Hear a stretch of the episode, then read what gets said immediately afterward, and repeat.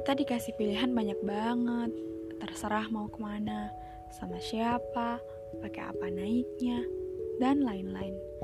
Semua tergantung kita, mau ada di rute apa, nikmatin perjalanannya pakai baju apa, dengerin musik atau sound apa, dan makan siang atau sarapan enaknya digabung apa enggak. Kayak hal sederhana itu sama dengan tujuan-tujuan yang mungkin belum kelihatan ujungnya belum kelihatan nanti gimana akhirnya. Kayak ya emang kita nggak tahu nanti turun di stasiun atau halte yang mana. Walaupun di awal udah dikasih tahu, emang kita bisa prediksi. Entah ada emergency yang akhirnya nggak bisa buat kita sampai tujuan lebih cepat.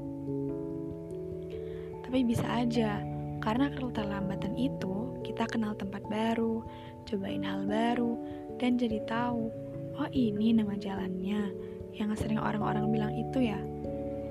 Mungkin bakal kelihatan abu-abu dan masih ngambang di awal, apalagi kalau udah lihat gimana cerita sukses dan berkembangnya usaha orang lain.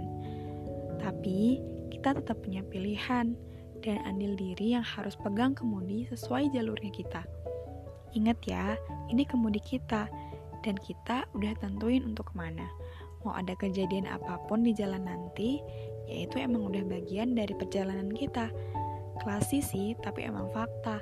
Jalanin aja prosesnya.